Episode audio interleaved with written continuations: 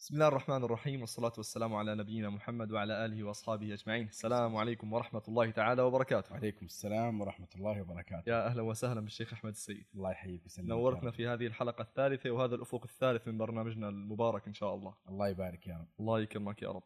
آه، موضوع حلقتنا اليوم آه، وعدت فيه السادة المشاهدين أكثر من مرة. آه، حتى في آخر مرة عملت فيديو على اليوتيوب مخصص من دقيقتين فقط تحكي عن هذا الموضوع عن أهميته. هي فكرة مشروع العمر. بالنسبة لك ماذا ماذا تعني هذه الكلمة ولماذا أساسا ترك تؤكد على أهمية أن تكون هنا يعني تتحدث في هذه النقطة؟ طيب بسم الله الرحمن الرحيم. آه هذا الموضوع بلا شك إنه من أهم الموضوعات اللي ممكن يتكلم عنها الإنسان وهي من أهم الموضوعات اللي تحتاجها الأمة الإسلامية في هذا الزمن.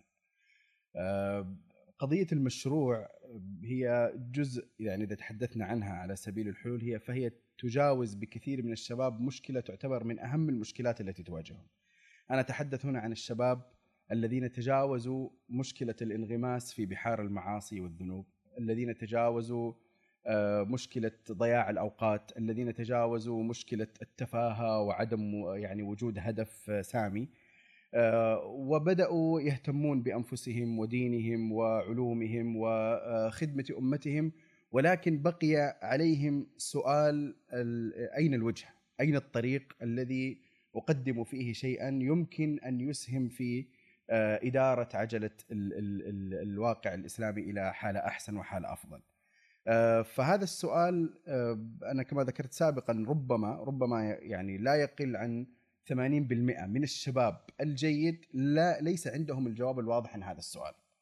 وبالتالي آه، يعني مهما قدموا ومهما بذلوا ومهما آه، قدموا من أوقات في البناء والعلم أو حتى من أوقات في العطاء والبذل فإنهم بعد مدة من الزمن يشعرون أو يرجعون فيسائلون أنفسهم إنه هل هذا هو الطريق الصحيح فعلا؟ هل أنا أسير في الطريق الذي ينبغي علي أن أكون فيه؟ أو أن هناك ما هو أنفع، هناك ما هو أجدى، هناك ما هو أجدر، خاصة وأن الواقع يتجدد بالمآسي والكوارث والصعوبات والتحديات. آه، حتى إنك في كل آه، عدة سنوات تقول يعني آه، اللهم سلم سلم خلاص يعني إحنا وصلنا إلى أقصى حد من المشكلات ومن المآسي وما أظن أنه في حد أكثر من ذلك. تدور عدة سنوات قريبة تزداد الأمور تعقيدا وبالتالي ترجع المساءلة للنفس أنه أنا ماذا أقدم؟ هل أنا فعلا جالس أقدم شيء ينفع أو لا ينفع؟ فهذه المساءلة تعاد على النفس دائما مع تجدد المشكلات وتعقدها وصعوبتها. ونظرا لعوامل كثيرة متعددة آه، جعلت الجواب عن هذا السؤال صعبا ولأجل ذلك أنا مهتم بهذا السؤال فعلا اهتماما كبيرا. ولعل آه، الله سبحانه وتعالى يسهل لنا في هذه الحلقات إنه يعني أنا لا أعد إنه في هذه الحلقات إنه سيتم الجواب عن كل تفاصيل هذا السؤال ولكن على الأقل يكون هناك مفاتيح يكون هناك آه، إثارة للقضية لأنه أنا أعتقد أيضا إنه بقدر إثارتنا لهذا السؤال بقدر إثارتنا لهذا السؤال وبقدر آه، تعاملنا معه وبقدر إعادة طرحه على الوسط في الوسط بقدر ما سنقترب من الجواب بإذن الله تعالى. أتذكر إذا سمحت لي أتذكر آه، على موضوع السؤال كتاب الأمير شكيب أرسلان لماذا تأخر المسلمون وتقدم غيرهم؟ قدر استفادة المسلمين من السؤال الذي كتبه الذي هو عنوان الكتاب سطر واحد. أكبر خلينا نقول مقدار التداول للسؤال أكبر بكثير بكثير من مقدار التداول للجواب الذي قدمه في كتاب كامل. كتاب موجود ومطبوع لكن لأنه صاغ المشكلة على شكل سؤال فحصل آه، تداول كبير وتفاعل مع هذا السؤال. وكأن السؤال بمجرد أنه صيغ بهذه الصياغة بمجرد صياغته كأنه آه، قدم جزءا من الحل. أنه آه هذه مشكلتنا. مشكلتنا هنا عبر عنها بهذا السؤال التي كانت لماذا تأخر المسلمون وتقدم غيرهم؟ كان هذا هو سؤال النهضة في بدايات القرن العشرين تقريبا. وأنا أعتقد أنه من أهم السؤالات اليوم أين المشروع الذي أضع فيه جهدي وفكري وعمري وطاقتي إلى آخره؟ طيب هو هذا هذا السؤال المشاريع هذا تمام هذه هذا لهذا الدرجة هو ملح. لكن هذا السؤال على أي فئة من الناس يتردد؟ هل هي فئة الناس التي تريد أن تتعلم أو تقرأ وتقطع شوط في طلب العلم الشرعي والفكري والبناء بشكل عام؟ أم هي فئه الناس يعني فئة الناس التي آه، هي قطعت شوط معين ولكنها تبحث عن كيف توظف هذا الذي فعلته في مشروع ما تخدم به الأمة الإسلامية؟ جميل جدا. أنا أعتقد إنه هذا وارد على الجهتين. أو على الفئتين فئة ال- ال- المشتغلين بالبناء وفئة المشتغلين بالعطاء. آه، واحيانا يكون الإنسان شغال في الأمرين ولا يزال يبني وفي نفس الوقت يعطي. فالسؤال وارد على الفئتين إنه أنا حتى أقدم عطاء آه، نافعا أحتاج أن أبني بناء قويا. فالسؤال هنا ما نوع البناء الذي أحتاجه حتى يكون عطائي في المستقبل جيدا؟ وبالتالي سؤال المشروع أو مشروع العمر قد يفهم منه إنه مشروع العمر يعني مشروع واحد وهذا غير صحيح وغير مقصود ابدا وإنما مشروع العمر المقصود به المشاريع التي أن تنتظم آه، أو التي ينتظمها عمري حتى أحققها. فالمشاريع ستتوزع وربما نتحدث عن أنواع المشاريع لاحقا لكن آه، هذا سؤال المشروع يتوجه للبناء وطبيعته وكيفيته ويتوجه للعطاء وطبيعته وكيفيته. طيب كلمة مشروع بذات نفسها ما هي ملامح ومحددات هذه الكلمة؟ لكي لا تبقى لا تبقى كلمة فضفاضة يعني لا تدل على معاني محددة. كيف نوصف هذه الكلمة ونرسم معالمها؟ جميل. آه نحن لم نستعملها هنا حتى باللفظ الم- المجرد أو بالمفرد وإنما استعملناها باللفظ بال- بالطريقة المص... الم- والصيغة المركبة مشروع العمر. وربما هذه الإضافة آه إضافة المشروع إلى العمر ربما تجلي شيئا من الصورة المقصودة وهو أنه يكون للإنسان مجال يبذل فيه آه، وقته وجهده وفكره وطاقته وهذا العمر كناية عن الاستغراق الزمني إنه تستغرق من الإنسان زمنا طويلا حتى يكاد يكون هو عمره أصلا. انه إنه إنه يكرس الجهد في مجال معين ومجال محدد. هذا المجال المعين المحدد لا يمنع إنه هو يكون في مشاريع متعددة ولكن يكون تكون له وجهة واحدة. فكلمة المشروع أول ما يتبادر إلى الذهن فيها هي قضية الوجهة. هناك وجهة هناك غاية هناك أمد هناك هدف. آه، وهذا يعني لابد أن يكون بعيدا لابد أن يكون آه، مستقبليا. وفي نفس الوقت تتضمن قضية الطريق ومعالمه ومعالم الطريق بحيث إنه الهدف واضح ومعالم الطريق طريق الوصول إلى الهدف أيضا واضحة. والمقدار الزمني أيضا إلى حد كبير يكون واضحا. وتكرس فيه الجهد والطاقات. الآن أنت لما ترسم الطريق ومعالم الطريق والغاية والهدف تستطيع أن تأتي بالجهد فتضعه في هذا المسار. جميل جدا جميل جدا. طيب هنا الكلام نرد نسأل مر... يعني الآن ميزنا بين نوعين من المشاريع مشاريع البناء ومشاريع العطاء. أي نعم. كيف تكون مشاريع البناء ناجحة؟ وكيف ثم تنتقل من مرحلة مشاريع أو ذكرت إنه ممكن إن يكون الانسان يسير في نفس الوقت في مشروعين مشاريع بناء ومشاريع. نعم. عطاء. طيب كيف يبدأ أساسا في مشاريع البناء؟ جميل كيف جداً. تكون ينتقي مشاريع البناء المناسبة له ولإمكانياته؟ طيب آه، أظن إنه إحنا في البداية نحتاج إلى آه، إنه نرسم آه، وجهة. كل إنسان يرسم وجهة معينة له. هذه الوجهة ليس بالضرورة أن تكون تفصيلية جدا لكن يرسم وجهة بحيث إنه مشروع البناء يتوجه إليها. خلينا أعطيك مثلا كثير من الشباب اليوم آه، وقاد آه، حيوي متفاعل آه، متأثر بالقضايا القضايا اللي تمر بها الأمة الإسلامية ويريد أن يبني ويحصل. يرى نموذج لإنسان مفكر قادر على التفاعل مع القضايا الفكرية والتحديات الفكرية وعلاجها وهذا فهو يعني يعني يتوقد في نفسه أن يكون مثل هذا. وبالتالي يقرر هو أن يقرأ في الكتب الفكرية وفي المجال الفكري وما إلى ذلك. يسير في هذا المشوار ستة أشهر سبعة أشهر ثم يرى قريبا من هذه الشخصية ولكن في مجال آخر وهي الشخصية التي آه، آه، الواسعة الثقافة آه، التي تتحدث عن موضوعات كثيرة تاريخية واجتماعية ونفسية وفي السيرة وفي الفقه وفي فيقول يعني أنا ليش أنا حاصر نفسي بالمجال الفكري؟ أنا ليش ما يعني أوسع ثقافتي فأكون يعني مؤثرا بهذا الاعتبار؟ وبالفعل يبدأ يضيف مضامين بنائية في مسيرته آه، ليحقق هذا النموذج. ثم بعد ذلك يرى أنه لم آه، لم يصل إلى ال- ال- الصورة التي أراد. فيحاول أن يتدارك هذا النقص بالجوانب التي رأى نفسه ناقصا فيها يعني مثلا العلم الشرعي.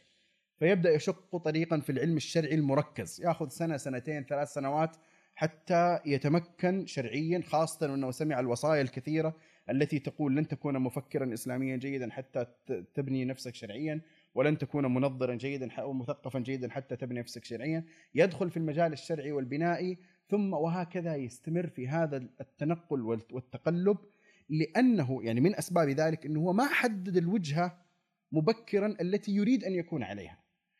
فكرة النمو- نموذج القائد البطل الذي سيحقق كل شيء هذه الفكرة أنا أظن إنها من أكبر أسباب المشكلات. صحيح من أكبر أسباب المشكلات إن الإنسان يريد أن يكون كل شيء. آه، الواقع أصعب بكثير من أن تكون كل شيء.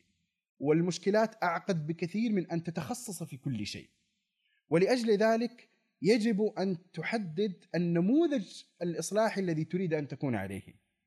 فقد تكون نموذجا أقرب لنموذج الداعية الذي آه، يعني آه، يصحح آه، ما فسد من إيمان الناس ومن سلوكياتهم وأخلاقهم آه، أو أن تكون مصلحا عن طريق نموذج الفكري بأن آه، تعزز من الهوية الإسلامية وتتكلم وترصد ما الذي يضادها وما الذي آه، يعني يمزق هذه الهوية وتحاول أن تنقد هذه ال- ال- الإشكالات آه، يمكنك أن أن تكون نموذجا اصلاحيا بحسب المجال الذي أو أقصد ليس بال- بال- بالنموذج الشمولي هذا وإنما بحسب النموذج المحدد.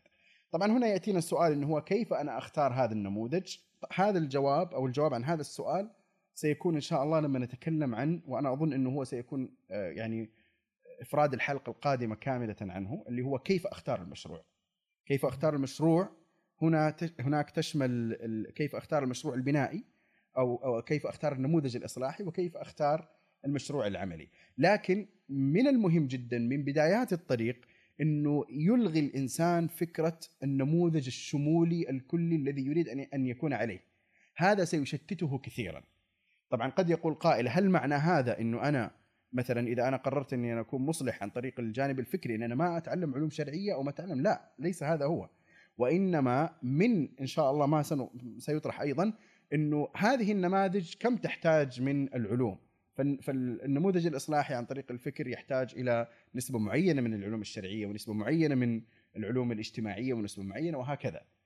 فأنا نعم أدرس العلوم الشرعية وأنا نموذج الإصلاحي فكري ولكن أنا أعرف القدر الذي سأخذه منها بالضبط. اذا تحديد الوجهة يفعل هذا الأمر. بالضبط. إنه يوازن بين يعني في طريقة أخذك لمختلف المجالات والعلوم. تحديد النموذج الإصلاحي حتى يحدد في كل علم من العلوم الشرعية أنا كم سأخذ، يعني أنا جميل. مثلا أستطيع أن أعرف هل لازم أحفظ ألفية ابن مالك ولا ما أحفظها، بناء على المشروع الذي سأكون عليه.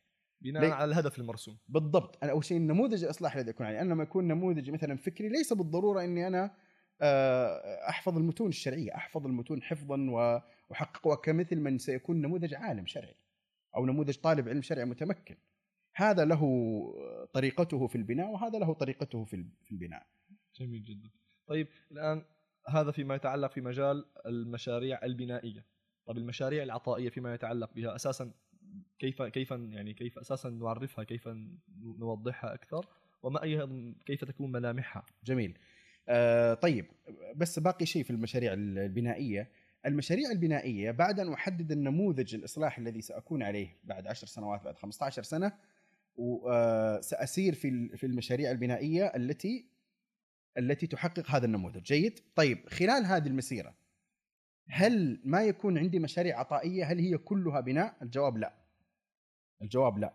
لكن النسبة نسبة العطاء ترتفع شيئا فشيئا بقدر إحكام البناء. فأنا في الدرجات الأولى من البناء نسبة العطاء عندي لا تكون عالية جدا. وإنما سيكون التركيز الأكبر على البناء. بل حتى في البناء نفسه النسب ستتغير ما بين الحفظ والفهم والبحث. ففي البداية سأركز على الحفظ والتلقي ثم سأنتقل إلى القراءة ثم سأركز على البحث. فهذه درجات. وكذلك في الانتقال لو إحنا وضعنا خط هنا للبناء وخط هنا للعطاء فالبناء بقدر ما تقترب من البناء بقدر ما يقترب التركيز على البناء. وبقدر ما تبتعد عنه بقدر ما يزداد التركيز على عطاء العطاء. والعطاء قسمان أو نوعان من أنواع المشاريع. ينتظمها كلمة العطاء. في عطاء أولي تجريبي. كأنه من باب إنه الإنسان آه، يعني آه، يتفاعل مع مع قضية العطاء بحيث إنه يرى نفسه يرى قدراته يرى إمكاناته يرى جوانب القوة لديه عمليا يرى ما الذي يمكن أن يصلح له وما الذي لا يصلح له من الناحيه العملية بعد أن كان قد عرفها من الناحيه النظريه فهذه المشاريع تكون في أثناء ما بين البناء والعطاء. هذه هي المشاريع المفترض أنه يمر بها الإنسان وتكون منتظمة في المسار الذي يريد الإنسان أن يصل إليه اللي هو النموذج نفس النموذج الإصلاح الذي الذي يريد أن يصل إليه. فتكون مشاريع البنائية في الوسط مشاريع تجري عفوا العطائيه مشاريع تجريبية. جيد؟ طيب المشروع العطائي الأكبر الذي هو سيكون بصمتي الحقيقية المشروع العطائي الأكبر برأيي الشخصي يحدد تفصيلا بعد ما يكتمل أمران. البناء والمشاريع العطائية التجريبية. جميل. لأن الظروف الموجودة اليوم من ناحية التحديات تختلف عن الظروف التي ستكون بعد عشر سنوات. وأنا بفكري وطريقة تفاعلي و- و- و- وتحليلي للقضايا والميزات التي أمتلكها اليوم تختلف عنها بعد عشر سنوات. فأنا نعم رسمت الوجهة العامة. لكن المشروع التفصيلي الدقيق ليس بالضرورة أن أحدده اليوم. فتحديدي إياه بعد عدة سنوات كنت أسير فيها في نفس هذا المجال أكون بذلك أقدر على تحديد المشروع التفصيلي من قدرتي اليوم. تمام جميل جدا. هو فقط لو لو نذكر مثال على هذه ال- المشاريع العطائية التجريبية التدريبية. نعم. ربما قناة رواد الجيل الصاعد الموجودة اليوم هي إحدى هذه المشاريع. ممكن ان نصفها بهذا الأمر؟ نعم ممكن. هي هي في سياق التدريب وليست في سياق ال ال وليست في سياق المشروع الكبير يعني. بالضبط. يعني هم لا- البعض البعض ممكن ينظر للشباب في رواد الجيل الصاعد في القناه إنه هذا مشروعهم. لا هذه هي مشاريع مرحلية يتفاعلون فيها مع الفضاء العام يعني يقدمون فيها شيئا من الرسالة. هذا هذا نموذج. لكن يمكن أن يكون ما هو أكبر من ذلك. يعني نفترض كما آه، يعني إحنا ذكرنا قضية المفكر مرارا خلينا نمشي عليها. لو كان نموذج الإصلاح الإنسان هو المفكر. جيد؟ آه، المشاريع العطائية التجريبية التي سأقدمها هي ستكون في هذا المجال. فأنا ممكن يكون لي برنامج يوتيوبي في معالجة بعض المشكلات الفكرية وأستمر فيه ثلاث سنوات لكن هذا ليس مشروع العمر. هذا في سياق مشروع العمر في السبيل إلى مشروع العمر. في الطريق إلى مشروع العمر. واضح؟ واضح. يعني أنا في نفس الوقت جالس أبني جالس أبني. وفي أثناء الطريق جالس أقدم وأفعل المعلومة التي أتعلمها في نفس المجال وفي نفس السياق. هذا سينضجني وهذا النضج ما بين البناء وما بين المشاريع التجريبية العملية المرحلية التي في سبيل مشروع العمر هذا التفاعل فيما بينهما سينضجني أكثر حتى أستطيع أن أقرر المشروع التفصيلي بعد أن أنتهي من هذه المراحل. جميل جدا. اذا هم أمرين لازمين. بداية هو استكمال البناء ثم بعد ذلك مرحلة النضوج والتعلم من هذه المشاريع العطائية التجريبية المرحلية. بالضبط. جميل جدا. يعني الآن ممكن نقسم المشاريع بهذه الطريقة إلى مشاريع آه، ذات أهداف مرحلية وذات أهداف استراتيجييه نعم. ويمكن أن نقول هناك قسمان أساسيان قسم مشاريع بنائية وقسم مشاريع عطائية وال ال ال هذان القسمان داخل القسم الثاني مشاريع عطائيه قسمان قسم مرحلي اللي هو المشاريع التجريبية المرحلية وقسم غائي استراتيجي اللي هو مشروع العمر الذي أصنع فيه بصمتي. ما الذي يساعد على تحديد مشروع العمر هذا الذي هو يعني هو الأساس؟ يعني في في هذا الطرح الذي طرحته هو الأساس هو الخط الرئيسي وكل ما عدا ذلك هو فقط مساندات ومساعدات للوصول إلى هذا الهدف المرسوم. ما الذي يساعد على الوصول إلى هذا الهدف؟ طيب إحنا كذا راح ندخل في الجواب عن السؤال. ممكن إحنا راح ندخل في الجواب عن السؤال ما هي مشكلة. إذا ما انتهينا نكمل في في في لقاء قادم. تمام. طيب أنا أعتقد إنه آه، أول شيء السؤال هذا يجب يجب إنه ندرك إنه هو سؤال كبير جدا. وإنه ليس الجواب عنه آه، إنه إنه سيأخذ الإنسان إجابة جاهزة وستكون هذه الإجابة مطابقة له 100% فهذه دعوة لا أدعيها ولا ولا أرجو أن تفهم في هذا السياق. لكن آه، هناك عوامل مساعدة هناك آه، قرائن هناك مفاتيح آه، ف نستطيع أن نقول أن هناك أربعة جواذب أساسية هي التي تحرك وتفعل قضية الاختيار المشروع. فعندنا أول شيء أن نعرف مدى الاحتياج لهذا المشروع أصلا يعني هناك معيار أساسي راجع إلى طبيعة المشروع في نفسه. هل المشروع يحتاج إليه أم لا؟ هل هذا المشروع يصب في نهر الأمة الكبير أم لا؟ هل هذا المشروع هل هذا المشروع هناك من من هو يسد هذا الثغر الذي الذي أريد أن أضع فيه نفسي أو لا؟ إذا كانت هنا إذا كان هناك من يسد الثغر بل وهناك تزاحم في هذا الثغر فما الحاجة إلى أن أحفر في نفس الحفرة وأدخل في نفس الخندق الذي هو مزدحم أصلا بالعاملين في هذا المجال. اذا هل هذا الثغر مسدود أو لا؟ الأمر الثالث هل المش... طبيعة المشروع الذي سيفعل هل هو آه، هل يراعى فيه الامتداد الزمني أم لا؟ فالمشروع الممتد زمنا أولى بالاختيار من المشروع المحدود زمنا. وأنت تعلم وترى أن هناك من المصلحين من تمتد آثارهم إلى إلى مئات السنين فيما بعد بعد وفاتهم. جميل. وهناك من المصلحين من دفنت آثارهم مع رفاتهم. انتهينا. طيب. مع أنهم لم لم يكن ينقصهم النيه الصالحه ولم تكن تنقصهم العلم الشرعي وما إلى ذلك. لكن الفكرة إنه هل روعي في ذلك الامتداد الزمني أم لم يراعى؟ إحنا فقط الآن نتكلم بس عن المعيار الأول. والاحتياج. اللي هو معيار الاحتياج ووصف هذا المشروع. صحيح. وتحته نقاط. واحد ما مدى الاحتياج إليه؟ هل يصب في نهر الأمة الكبير أم لا؟ اثنين هل هناك من من قد سد هذا الثغر واشتغل فيه؟ فأحد أمرين. قد يكون مشروعي أن أكون معه. قد يكون مشروعي أن أساعده. ويكون مشروع عمر ما في مشكلة. هناك مشاريع ناجحة تحتاجها الأمة الإسلامية ويرى أثرها وبصمتها في كل مكان. ليس بالضرورة أن يكون مشروع العمر لديه هو مشروع جديد مستقل تماما. قد يكون مشروع العمر لديه هو أن أكون ضمن مشروع ثبت نجاحه وثبتت أهميته فأضع ساعدي مع سوائده. إذا كان هناك احتياج فعلا. طبعا يكون لي بصمتي الخاصة داخل هذا الإطار ما في إشكال. لكن ليس بالضرورة أن يكون مشروع العمر هو مشروع يعني أفترعه لا لا لا لم يسبق أن أن أن طرق قبل ذلك. لكن إذا كان هناك كفاية فخلاص انتهينا. ال- النقطة الثالثة أو الرابعة في هذا في هذا المعيار الأول هل هناك امتداد زمني للمشروع أو لا؟ فكلما كان المشروع أولى بالامتداد الزمني أو من صفاته أنه سيمتد زمنيا فهو أولى بالاختيار بالنسبة لي كيف كيف نفصل في هذه النقطة؟ يعني كيف يكون المشروع ممتدا زمنيا أو يكون مشروع آني ما هو الفرق بين هاتين ال... يعني يعني كل مشروع يعمل على صناعة الكوادر فهو مشروع ممتد زمنيا. كل مشروع يستثمر في الإنسان ليكون هو من يحمل ال ال الهم أو يحمل الراية فهو مشروع يمتد زمنا يمتد زمنا بينما آه، ال- المشروع مثلا الذي أنا خلينا نقول مثلا محاضرات أو دروس أنا أقدمها جيد بصفتها أنها دروس ومحاضرات عادية. نعم هذه قد تمتد زمنا باعتبار إنه اللي يعني حضروا هذه الدروس يستفيدون ولكن هذه ليست صناعة. هذه إسهام في شيء من الفائده جيد؟ فهذا شيء وذاك شيء.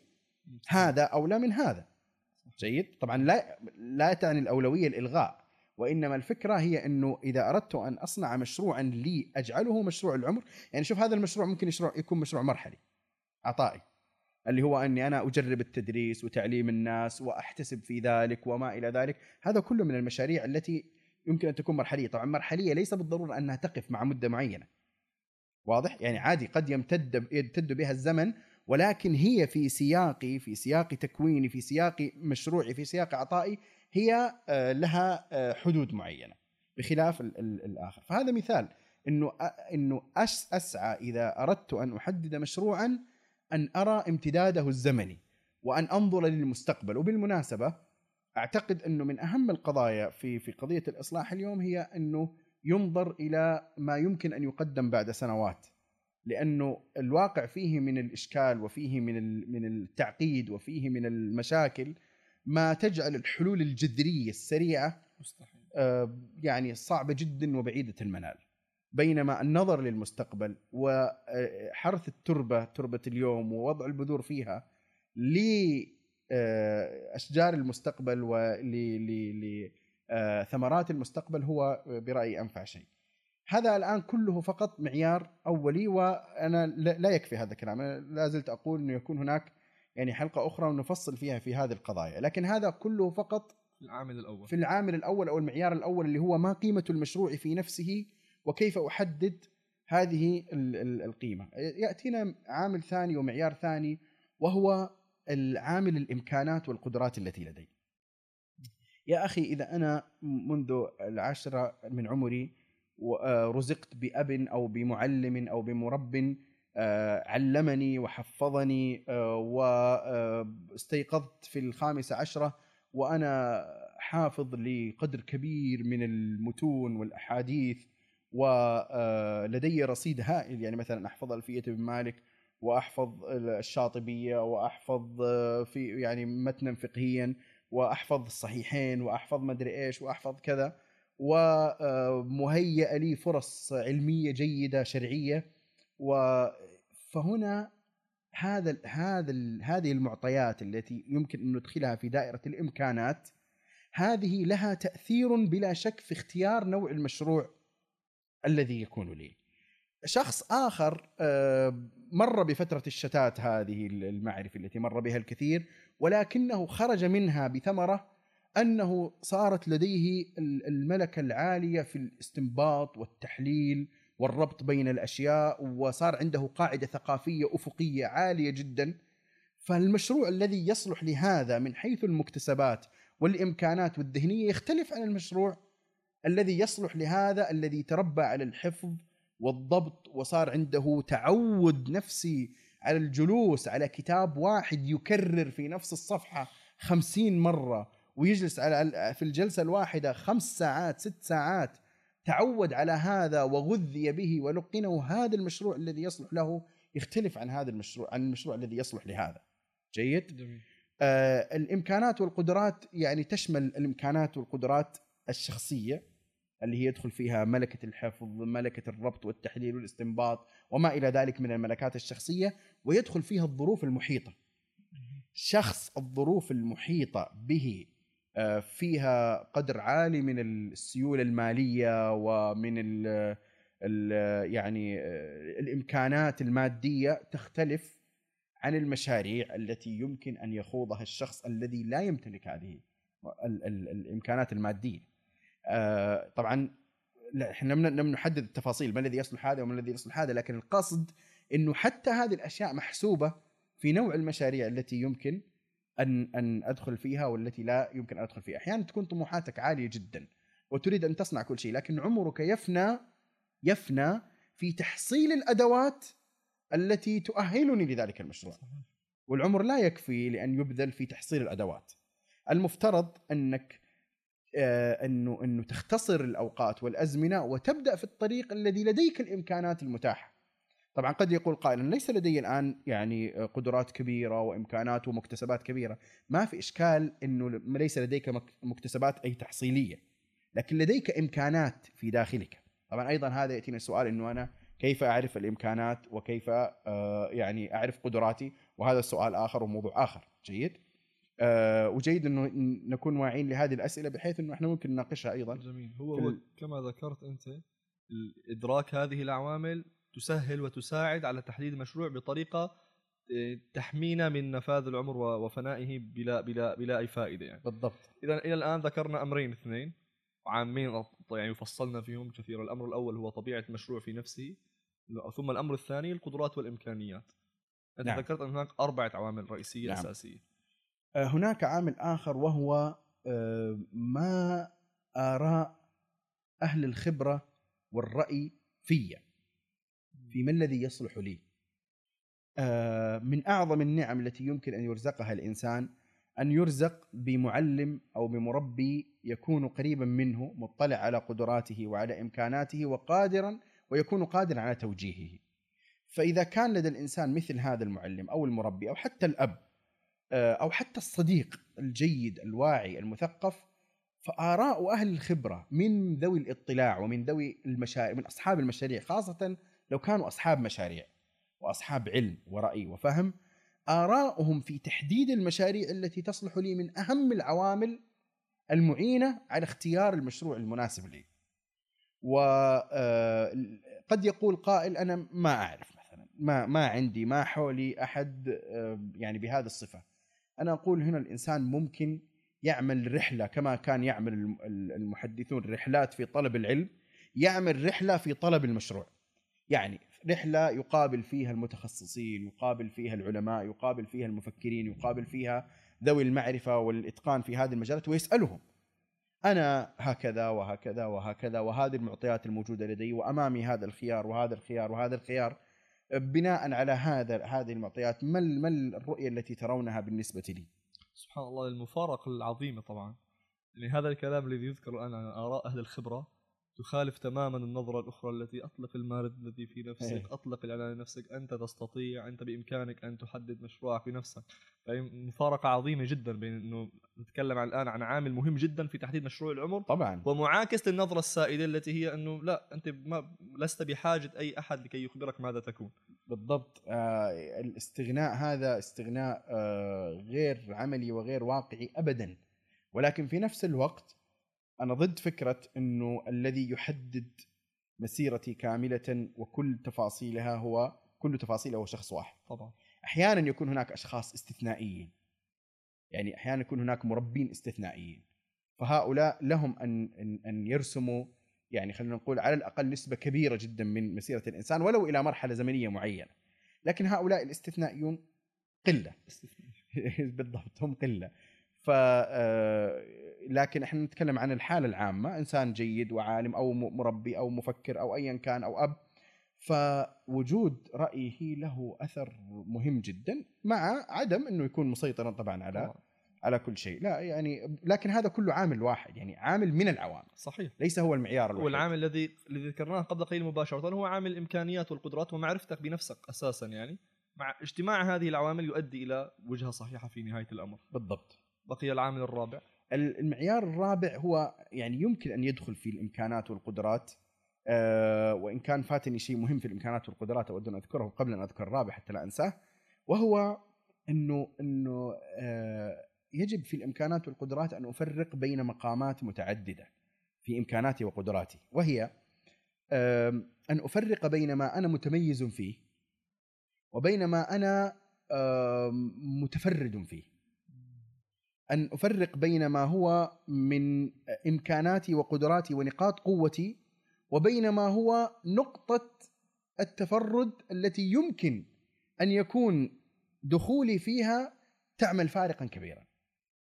يعني هناك مثلا سرعة الحفظ، جيد، والله إنسان ما شاء الله سريع الحفظ. هذه نقطة قوة وهي فرصة ولكنها ليست نقطة تفرد. جيد؟ هناك آه، مثلا آه، قدرة على الحفظ استثنائية جدا ليست بتعمد الحفظ وإنما بمجرد القراءة. يعني يقرأ الكتاب بعد ما يقرأ لا أقول لك لا ما أقول لك حفظ الكتاب ولكن قدرة استحضاره للكتاب مذهلة ومخيفة. وليس هناك يعني مثلها. جيد؟ مثل هذا يجب أن يضع هنا نقطة انطلاق كبرى من خلال موضوع الحفظ من من خلال موضوع إي هذا التفرد. بالضبط التفرد الذي تفرد به. ففي الإمكانات والقدرات عندي نقاط قوة ممتاز وعندي نقاط تفرد. صحيح. تميز. طب كيف ألاحظها؟ أحيانا أنا ألاحظها من نفسي مثلا. واحيانا يلاحظها غيري في. كلما جلست مع شخص يا أخي أنت ما شاء الله تبارك الله يذكر لك صفة معينة.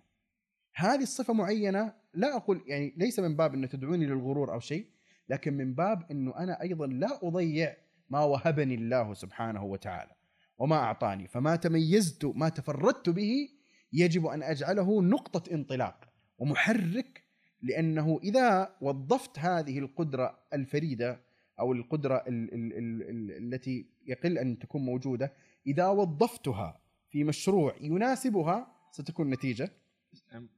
استثنائية بقدر ما هذه القدرة استثنائية ومتفردة بالضبط بالضبط. هذه نقطة مهمة في الإمكانات والقدرات. المعيار الرابع آه، هو قريب من من الإمكانات والقدرات ولكن أنا افردته وحده وهو الرغبة. الرغبة. الرغبة أظن أنها تستحق أن أن تكون استثنائية وحدها يعني. لأنه الحلم الذي يشغل بالي آه، أنا ممكن يكون عندي إمكانات وقدرات معينة بس ما لدي رغبة في هذا المجال. ما لدي رغبة. الرغبة هذه من أهم ال ال الأشياء التي تصنع ال ال تصنع ال ال المشاريع العظيمة. لدي رغبة لدي لدي حماس لدي توقد لدي حرقة لتحقيق هذا هذا الشيء. آه، لدي محبة كبيرة لهذا المجال. هذا من أهم عوامل الاختيار. إذا جمعت الرغبة مع الإمكانات والقدرة الشاملة لنقاط التميز ونقاط التفرد مع معرفة المشروع في نفسه وبقي أيضا شيء أريد أن أذكره في المشروع في نفسه ومع آه، رأي أهل الخبرة فيه إذا اجتمعت هذه الأربعة مع بعضها فنسبة نسبة الإصابة ونسبة الصواب في المشروع الذي سأختاره ستكون عالية جدا بإذن الله تعالى. الذي بقي في قضية نفس المشروع في ذاته آه، كلما كان المشروع يتعامل مع مشكلة من المشكلات الكبيرة من جهات متعدده، جهة الوقاية وجهة العلاج وجهة صناعة البدائل فهو أولى في الاخت... بالاختيار من المشروع الذي يركز على المعالجة فقط. المعالجة فقط يعني مثلا آه، حين تقول هناك آه، فقراء في في العالم الإسلامي آه، هناك فقراء مهجرون ويتعرضون للبرد وعندهم مشكلة في السكن وعندهم مشكلة في الدواء وعندهم مشكلة في في في إلى آخره. طيب أنت الآن حين تنظر إلى هذه المشكلة هناك مشروع يوفر الدواء هناك مشروع يوفر الكساء جيد هناك مشروع يوفر السكن أو يعني خلينا نقول السكن المؤقت الخيام وما إلى ذلك. هذه اسمها مشاريع علاجية. هل هي مهمة أو ليست مهمة؟ هي مهمة بالطبع مهمة طبعا. ولكن هل ستنهي المشكلة؟ طبعا لا لن تنهي المشكلة. هل ستمنع المشكلة من أن تتكرر؟ طبعا لا لن تمنع المشكلة من أن تتكرر. حسنا لو كان هناك مشروع يركز على قضية منع المشكلة من أن تتكرر؟ أو على يعني مجاوزة آثار المشكلة الممتدة. فهذا أولى من المشروع الذي يكتفي بالعلاج وإن كان العلاج هو ضروري جدا. فإذا كان المشروع يجمع بين الأمرين يعني مشروع مثلا يكسو ال- الفقراء أو اللاجئين ويعالجهم وفي نفس الوقت يعلم أولادهم ويصنعهم للمستقبل فهذا أولى من المشروع الذي يكتفي بالعلاج. نفس الشيء مثلا مشكلة المشاكل الفكرية، مشكلة الإلحاد. المشروع الذي يرد على آه، أو يناقش الملحدين، جيد؟ هذا مهم. ولكن الأهم منه هو المشروع الذي يصنع الوقاية في الجيل وفي الشباب بحيث لا يتأثروا بهذه الإشكالات. فإذا كان المشروع جامعا للأمرين فهو أولى بالاختيار من المشروع الذي يفتقد هذين الأمرين أو يكتفي بأحدهما وإذا كان بأحدهما فالوقاية خير خير من من من العلاج. من العلاج. في في باب الرغبة آه، كنا قد ذكرنا في بداية الحلقة عن هذا الشخص المتوقد الذي يبدأ في مجال ثم ينتقل إلى مجال آخر ثم مجال ثالث كيف يعني كيف يستطيع الإنسان أو ما هي مرحلة النضج التي يجب أن يصل إليها الإنسان التي كي لكي يحدد فيها رغباته الحقيقية وليست الآنية المتولدة من أحداث معينة أو محيط معين؟ هذا السؤال أتوقع إنه مهم جدا في هذا المجال في مجال الرغبة خصوصا نعم. طبعا هي القضية أكيد إنها تلتبس يعني يقع التباس بين ال- ال- الرغبة الآنية أو الحماس المؤقت وبين ال- ال- الرغبة الحقيقية. آه، المراهنة على الزمن مهمة جدا.